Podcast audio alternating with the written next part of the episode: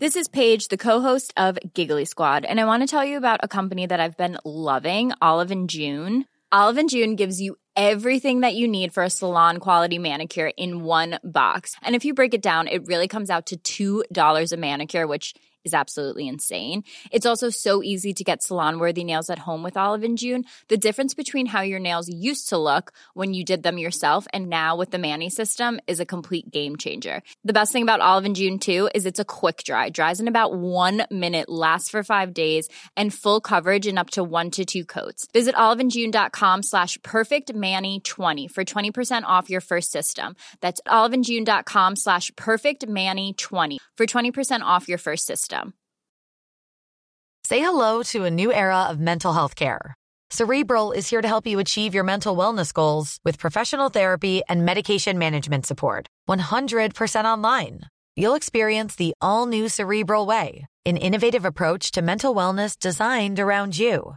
You'll get a personalized treatment plan from a therapist, prescriber, or both in a safe and judgment free space. Your cerebral therapist or prescriber will outline a customized plan with clear milestones along the way so you can get to feeling your best. With Cerebral, you're not alone in your mental health journey. We're here to empower you to live a fulfilling life. So take that first step towards a brighter future and sign up today at cerebral.com slash podcast and use code ACAST to get 15% off your first month. Offer only valid on monthly plans. Other exclusions may apply. Offer ends July 31st, 2024. See site for details.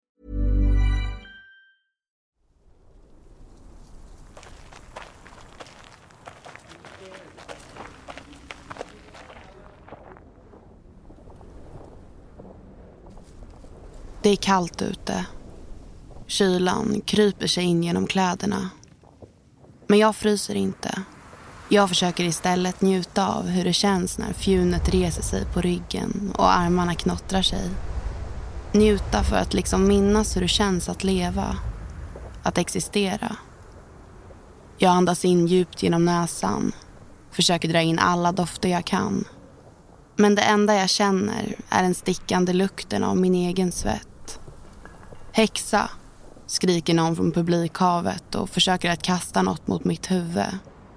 Jag känner hur en tår rinner ner för min ena kind. Den torkar snabbt av den hårda vinden som drar över torget. Nu börjar det att samlas ännu fler människor. Försiktigt ser jag mig omkring en sista gång. Så får jag ögonkontakt med Johan. Han har trängt sig längst fram och står tillsammans med en skara barn. Johan, min pojke. Min son.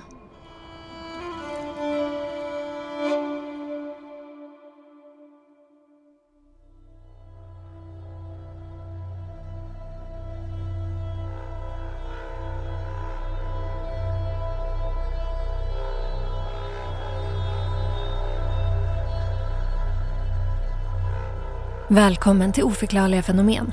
Ett program där jag, Evelina Johanna och jag, Filippa Frisell tar med dig på berättelser om mystiska, märkliga och obehagliga saker som hänt folk över hela världen. Saker som inte alltid går att förklara. Min eh, relation till häxor började med en tv-serie. Min absoluta favoritserie när jag växte upp, ingen annan hade en chans på den, var Förhäxad, eller Charmed på engelska. Det handlar om tre systrar som upptäcker att de har eh, magiska krafter. Jag, min mamma och min syster satt som bänkade. Jag har fortfarande liksom hela DVD-samlingen även fast jag inte ens har en DVD-spelare. Sen i skolan läste vi om häxprocesserna i Salem. Jag blev så otroligt illa berörd över att de här kvinnorna som jag bara tyckte verkade duktiga på naturmedicin och som hjälpte folk blev dömda till döden. Och de fick ju ingen rättegång. Alltså, det var ju en inom citationstecken rättegång men så fort de blev utpekade var det i princip kört. Men vad jag inte visste var att även Sverige har haft ett väldigt mörkt kapitel i att jaga, döma och döda så kallade häxor. Idag berättar vi om Gävlepojken. Barnet som sades ha särskilda skrämmande gåvor och som idag är ett av Sveriges kändaste namn inom häxprocesserna.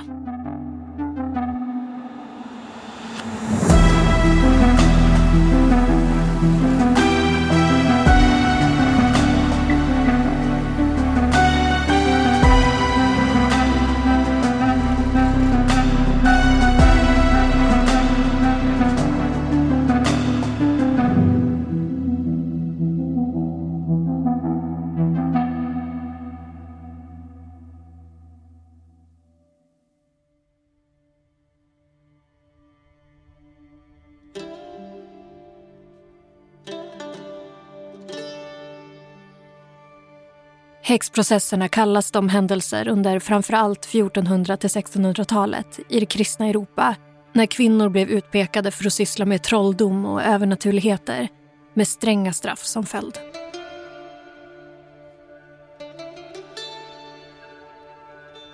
År 1487 skrevs boken Häxhammaren som skvallrade om häxornas pakter med djävulen och hur de kunde avslöjas med hjälp av tortyr. Det blev starten för en besatthet av häxeri och övernaturligheter i Europa. Till en början var Sverige skonat från anklagelserna. Häxeriet var istället mer intensivt i Tyskland, Frankrike, Schweiz och Skottland. Men så småningom når även historierna om häxor och Satan till lilla Sverige i norr.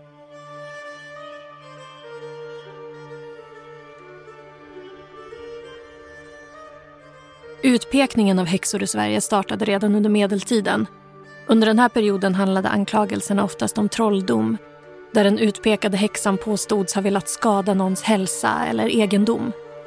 Och under 1600-talet började utpekningen och anklagelserna verkligen att eskalera.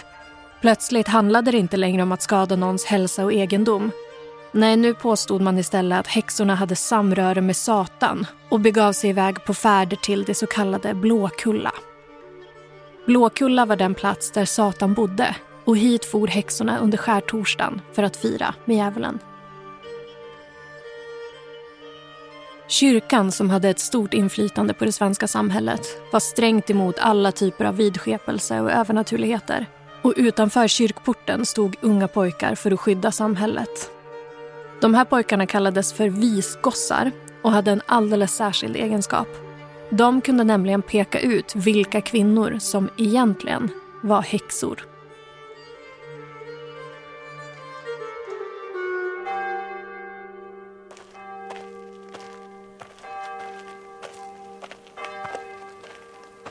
Det är en mild vårdag. Solen står högt på himlen. I dikena ligger smältande snö och då och då sveper en kylig vind förbi som för att påminna om att vintern ännu inte är riktigt över. Jag går upp för kyrkans grusgång med min son Johan i ena handen och min dotter Karin i andra. Min man går några steg före. Kön till kyrkporten ringlar lång. Framför oss står säkert ett tiotal familjer som väntar på att få komma in. Vad är det som dröjer så? Frågar Karin och drar otåligt i min arm. Ta det lugnt. Visgossarna måste se till så att inga häxor kommer in i Guds hus, säger min man och spänner ögonen i henne. Johan har redan släppt min hand och sprungit fram till kyrkporten för att titta på visgossarnas arbete. Han är en framfusig pojke, inte det minsta blyg och genast blir han vän med den ena visgossen på trappan. De ser ut att skratta åt något och visgossen drar upp Johan in till honom på trappsteget. Längre nedanför grusgången skyndar ett medelålders par mot kyrkan. Det är doktor Persson och hans fru. De tränger sig förbi oss och familjen framför. Men precis innan de ska kliva in genom kyrkporten får de backa. Stanna. Hon där är en häxa. Skriker plötsligt en av visgossarna och pekar strängt mot fru Persson. Doktor Persson tittar förvånat och ilsket på den lilla blonda pojken. Han kan inte vara äldre än tio, mager och inte särskilt lång i växten. Vad säger du? fräser doktor Persson. Min vän har sett henne fara till Blåkulla, säger visgossen och pekar på någon liten, mörkhårig intill. Jag ställer mig på tå för att försöka se vem den lilla är. Till slut öppnar sig en lucka i folkhavet. Mitt hjärta hoppar över ett slag när jag ser vem pojken intill är. Min lilla Johan. Är det alltså han som har sett doktor Perssons fru fara till Blåkulla? Min man måste också ha sett för plötsligt tar han krampaktigt tag i min hand. Fru Persson gråter häftigt. Prästen kommer ut till visgossarna och jag ser hur Johan viskar något i hans öra. Prästen nickar. Kort därpå leds den skrikande fru Persson bort från kyrkans egendom Johan står kvar på trappen och följer fru Persson med blicken tills hon inte längre syns till.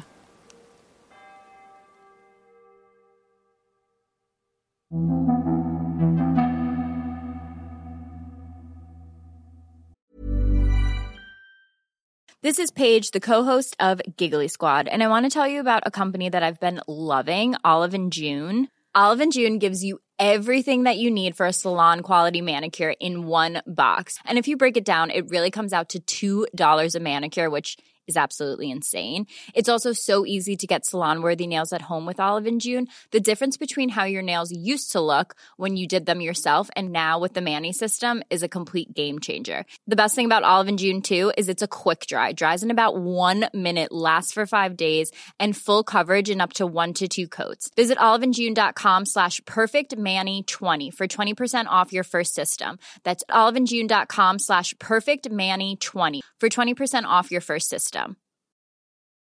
Say hello to a new era of mental health care.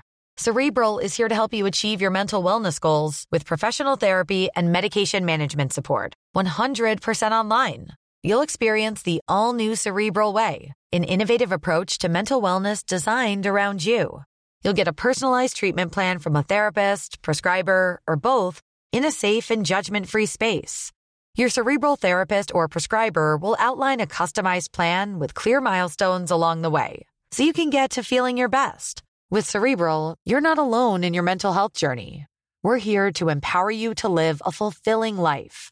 So take that first step towards a brighter future and sign up today at cerebral.com slash podcast and use code ACasts to get 15% off your first month. Offer only valid on monthly plans. Other exclusions may apply. Offer ends July 31st, 2024. See site for details. Ryan Reynolds here from Mint Mobile.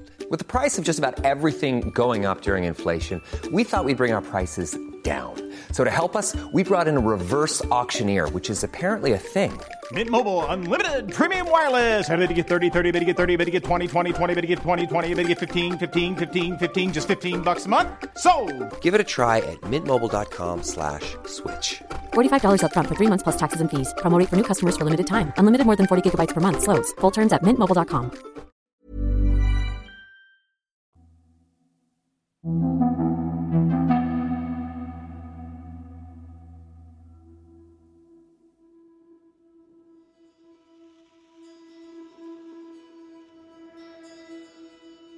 Man tror att häxprocesserna i Sverige började med den 11-åriga Gertrud Svensdotter i Lillhärdal i Härjedalen.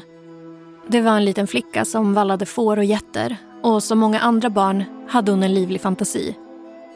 I Gertruds värld existerade trolldom och häxor. Hösten 1667 vaktar Gertrud getter ihop med den två år yngre pojken Mats Nilsson. Någon gång under dagen blir barnen osams och under tiden så lyckas getterna smita men Gertrud hinner ifatt och lyckas fånga in dem igen. Mats berättar allting för sin far men eftersom han skäms för att det inte var han själv som löste situationen så ljuger han ihop att det var för att Gertrud utövade trolldom och gick på vattenytan som hon kunde fånga in getterna. Mats pappa tror på sin son och sprider ryktet vidare i byn. Precis som i viskleken så ändras historien längs med vägen och slutligen har den nått fram till byns kyrkoherde. Likt Gertrud tror han på trolldom och häxeri och fattar genast intresse för historien och Gertrud. Han förhör henne om vad hon har varit med om och vad det är som bara hon kan se. Han vill veta vilka av grannarna som också är övernaturliga. Och allt eftersom att Gertrud börjar bekänna och ryktet sprider sig så börjar nu fler barn att sprida vittnesmål om häxerier i samhället. Och efter bara ett år har Gertrud pekat ut hela 19 invånare för Blåkullafärder. Och tiden framöver kommer nu att kallas det stora oväsendet.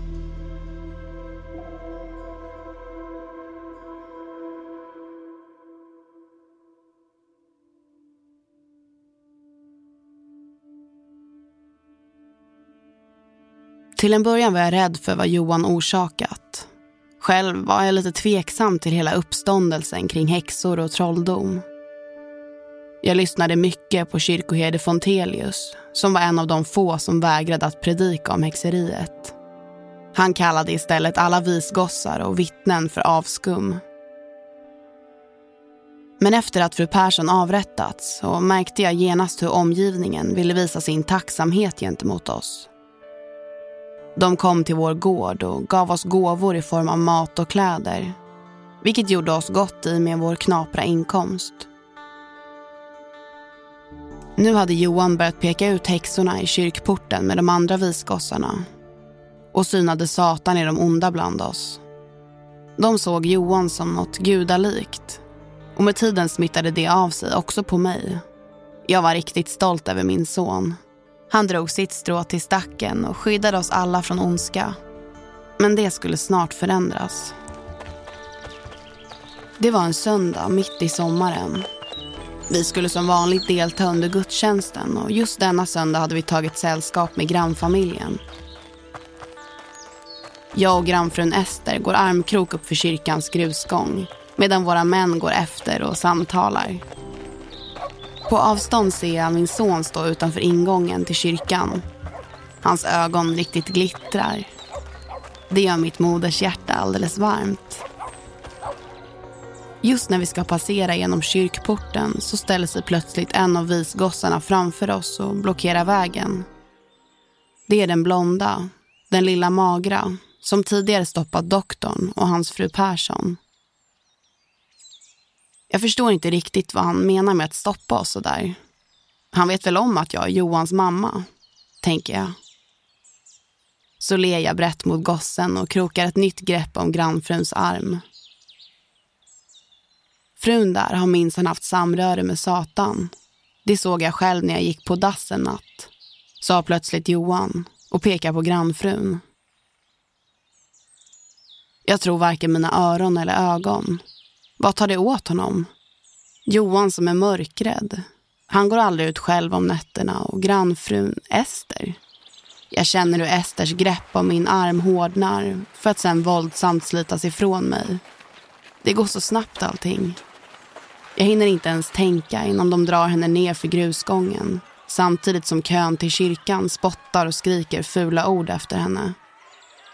Johan står lugnt kvar på trappan och jag kan svära på att han har ett förvrängt leende över sina läppar.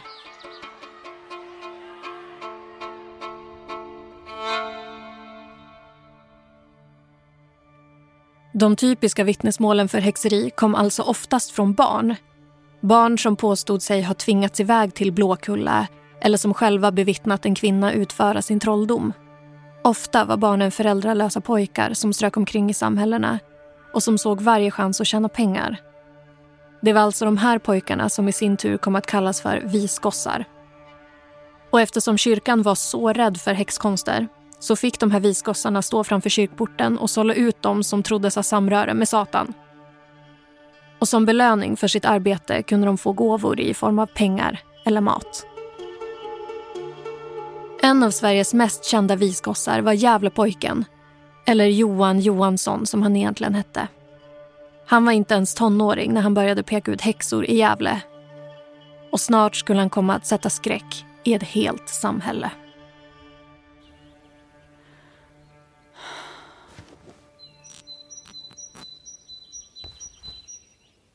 Efter den där händelsen med grannfrun så började min stolthet för Johan ersättas med en gnagande magkänsla.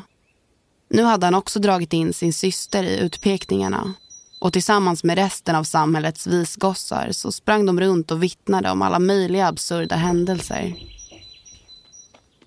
Jag sitter på en pall på gården och lappar en av mina blusar när Johan och Karin kommer utrusande ur stugan. Så fort Johan närmar sig stelnar jag till.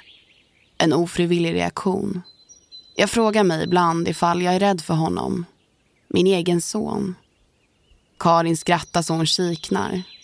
Johan springer efter med skuttande steg. Mor, vi springer ner till Olofssons, säger Karin. Med en viss oro frågar jag vad de har där att göra. Jag kan inte längre lita på att Johan bara ska leka när han springer iväg från gården. Eller om han ska ut på häxjakt. Vi ska bara leka, svarar Karin med en lurig blick mot Johan. Jag känner på mig att något är fel. Johan kom ett tag. Johan tittar på mig med en trotsig blick. Sen han blev visgosse har något förändrats i hans ansikte. Jag känner inte längre igen honom. Motvilligt kommer han fram till mig på pallen. Jag lägger den lagade blusen åt sidan och tar ett grepp om hans axlar för att få honom på en armlängds avstånd ifrån mitt ansikte. En rysning går igenom kroppen när våra ögon möts. Jag inbillar mig att det sveper förbi en kall vind. Hela min själ tycks frysa till is. Johan, börjar jag tveksamt. Försöker att smeka hans ena arm, men det känns onaturligt och främmande. Tror du inte att alla häxor är utpekade nu? Johan svarar inte. Hans ögon är fastnålade i mina. Ingen reaktion. Du har gjort ditt nu. Låt de andra gossarna ta över. Johan skakar sig loss ur mitt grepp, spottar på gräset och ler det där stygga leendet mot mig. Vad menar mor? Försvarar ni häxorna nu? Kanske mor själv känner någon? Säger han retsamt innan han springer iväg mot Karin som står och väntar vid vägen. Jag förmår mig inte att stoppa dem. Kroppen är som fastfrusen på pallen. Inte ens när det börjar falla några kalla regndroppar från himlen kan jag resa mig. Jag sitter där i regnet och låter kylan ta över min kropp.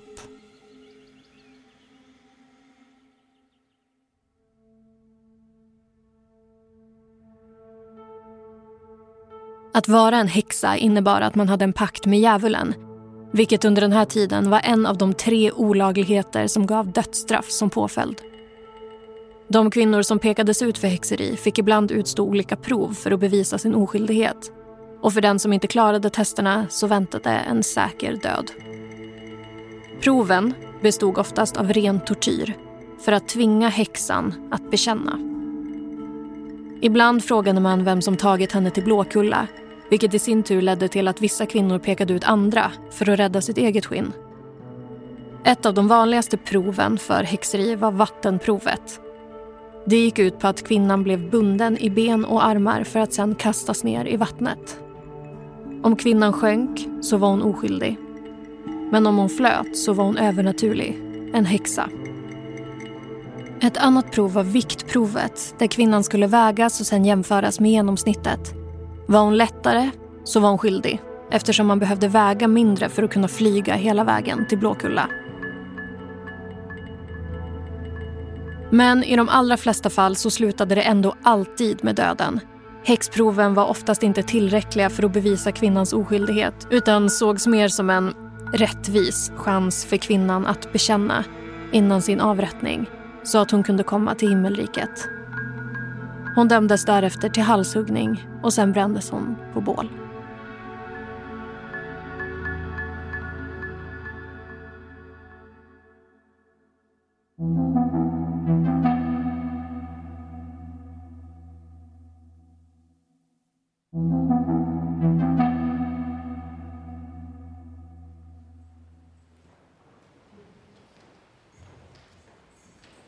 Efter gudstjänsten den söndagen smyger jag in till prästen. Jag är desperat och måste få hjälp med min son innan det är för sent. Denna gudstjänst har tacksamt nog varit lugn. Varken Johan eller de andra visgossarna har pekat ut någon häxa. Prästen stänger dörren om oss och pekar med handen mot en stol framför ett litet skrivbord. Varsågod fru Nilsdotter, jag niger snabbt till svars och slår mig ner. Prästen sätter sig mitt emot, bakom skrivbordet. Så, vad har frun på hjärtat? Prästens ansikte är vänligt men allvarsamt. Hans djupa rynkor ramar in de isblå ögonen. Jag tar ett djupt andetag och försöker samla mod för att våga titta prästen i ögonen. Det gäller min son. Nästan viskar jag fram. Jag ser ner på mina händer i knät för att distrahera tårarna från att välla fram. Sen tar jag sats på nytt. Johan, jag tror att han har tagit det här med häxeriet på alldeles för stort allvar. Det känns som att hela grannskapet börjar försvinna. Prästen ser rakt in i mig och nickar långsamt. Ja, fru Nilsdotter. Jag är glad att du sökte upp mig. Jag behöver nämligen samtala med dig om precis samma sak. Prästen drar en djup suck, lägger händerna på skrivbordet framför sig och ser mig i ögonen. Johan har antytt att det sker onaturligheter också på er gård. Är det något du känner till?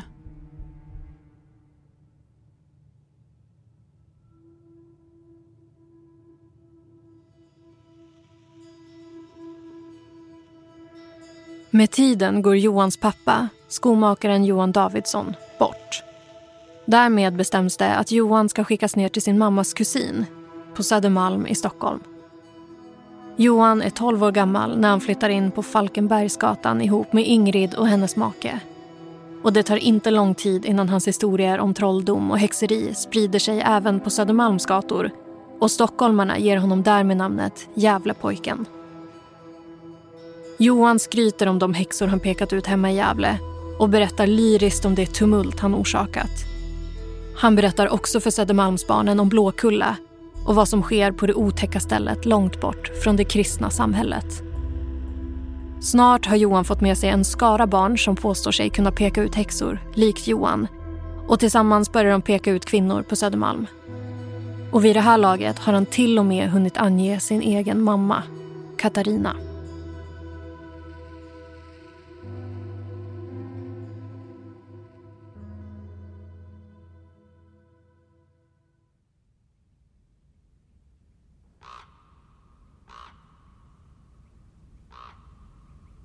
Jag vaknar genomblöt av svett. Utanför kastar månen sitt starka vita ljus genom fönsterrutorna. Försiktigt sätter jag fötterna mot det kalla trägolvet och tassar ut ur sovrummet. Dörren till barnens rum står på glänt och precis när jag ska stänga den upptäcker jag att Johans säng är tom. Jag får en olustig känsla och smyger ut genom ytterdörren till den stilla natten.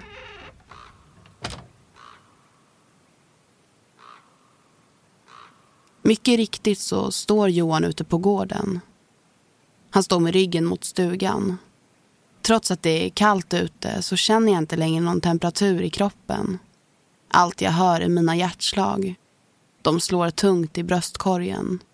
Varje slag liksom ömmar i bröstet. Johan börjar skutta runt på gårdsplanen, som i trans. Och han ser mig fortfarande inte. Då och då ger han ifrån sig ett vrålande läte och kröker nacken i en onaturlig position. Plötsligt vänder han sig om och tittar rakt mot mig med det där obehagliga leendet. Är mor vaken så här dags? Ska inte Johan ta och komma in nu? Säger jag utan att låtsas om hans fråga. Johan skakar på huvudet och fnissar. Han tittar en sista gång mot månen viskar något ohörbart innan han skuttar glatt mot mig. Som om det hela vore alldeles naturligt. Jag har talat med månen. Det finns onaturligheter under vårt tak. En rysning går genom hela min kropp. Mor ska nog passa sig.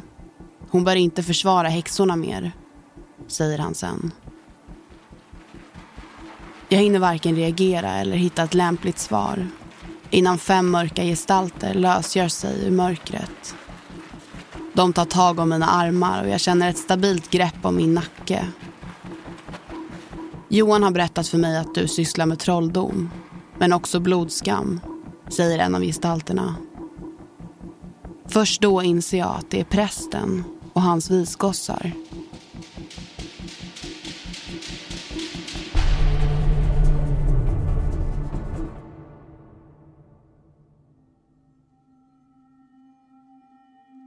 Johan pekar alltså till slut ut sin egen mamma, Katarina, som häxa.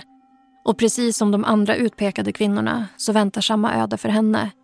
Plågsamma prövningar och slutligen avrättning. Att hon är visgossens mor har inte någon som helst betydelse. De vanligaste anklagelserna mot kvinnor var att den utpekade kvinnan fört med sig barn till Blåkulla. Det räckte då med att barnet kunde vittna mot häxan och visa upp ett blåmärke även kallat häxmärke, som bevis på att barnet deltagit på resan till Blåkulla.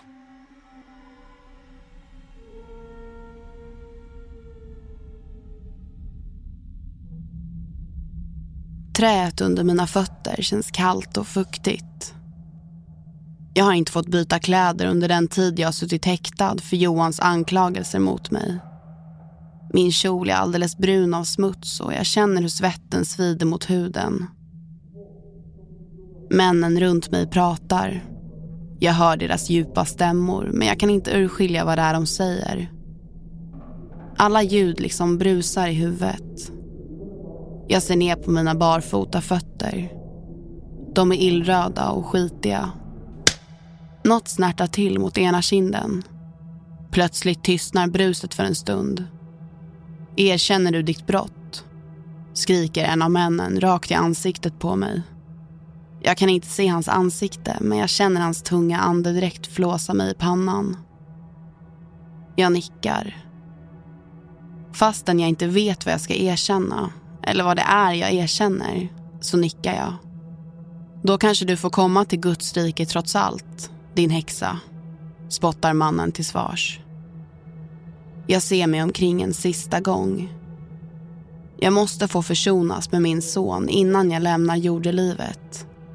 Det är inte rätt att gå vidare till andra sidan med agg mot dem man älskar. Johan står kvar längst fram med skaran av barn. Han ser stolt ut, ser ut att peka mot mig. De andra barnen fnissar och tittar med stora ögon fyllda av iver och förundran. Tårarna rinner okontrollerbart längs med kinderna. Johan, lyckas jag få ur mig i en skrovlig stämma. Johan säger inget, utan ler bara mot mig med det där vanställda flinet som förvränger hela hans ansikte till något fult och ont.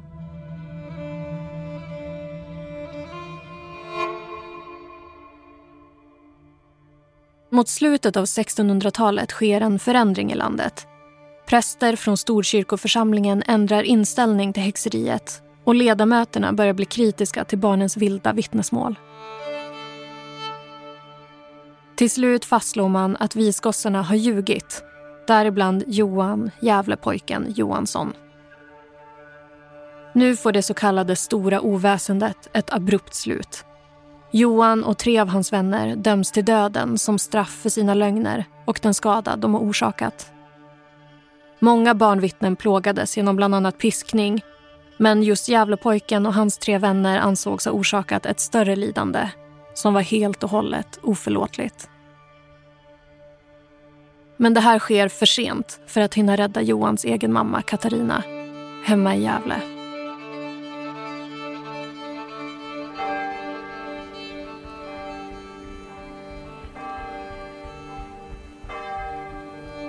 Hit med bödel Jonas, hör jag en man säga. Samhällets slaktare, Jonas Olofsson, ställer sig in till mig på min vänstra sida. Han har så många gånger suttit hemma i vårt kök och druckit kaffe. Jag känner honom väl. Han kastar en ursäktande blick mot mig. Ögonen är tårfyllda.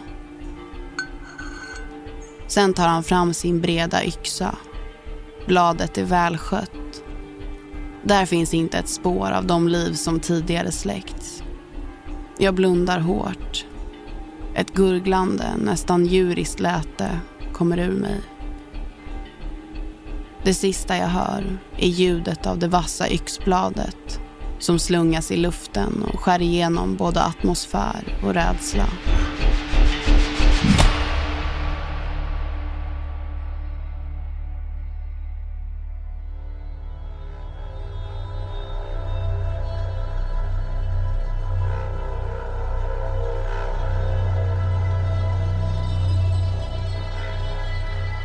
Du har lyssnat på Oförklarliga fenomen med mig, Evelina Johanna. Och mig, Filippa Frisell. Glöm inte att följa oss på TikTok där ni kan se bilder från häxprocesserna. Har ni idéer på oförklarliga fenomen, lämna en kommentar eller skriv till oss på Instagram. Båda hittar ni om ni söker på ät oförklarliga fenomen. I nästa avsnitt av Oförklarliga fenomen berättar vi om Madame Koi Koi den ondskefulla lärarinnan som skrämt slag på generationer av skolbarn i flera afrikanska länder. Den som hör det klapprande ljudet från hennes klackskor närma sig gör bäst i att fly. Manuset i det här avsnittet är skrivet av Moa Alice Jannes. Redaktör Saga Wadensjö. Originalmusik Adam Bejstam. Huvudtema Oscar Wendel. Ljuddesign och exekutiv producent Daniel Murberg. Oförklarliga fenomen görs av oss på podcastbolaget Cast.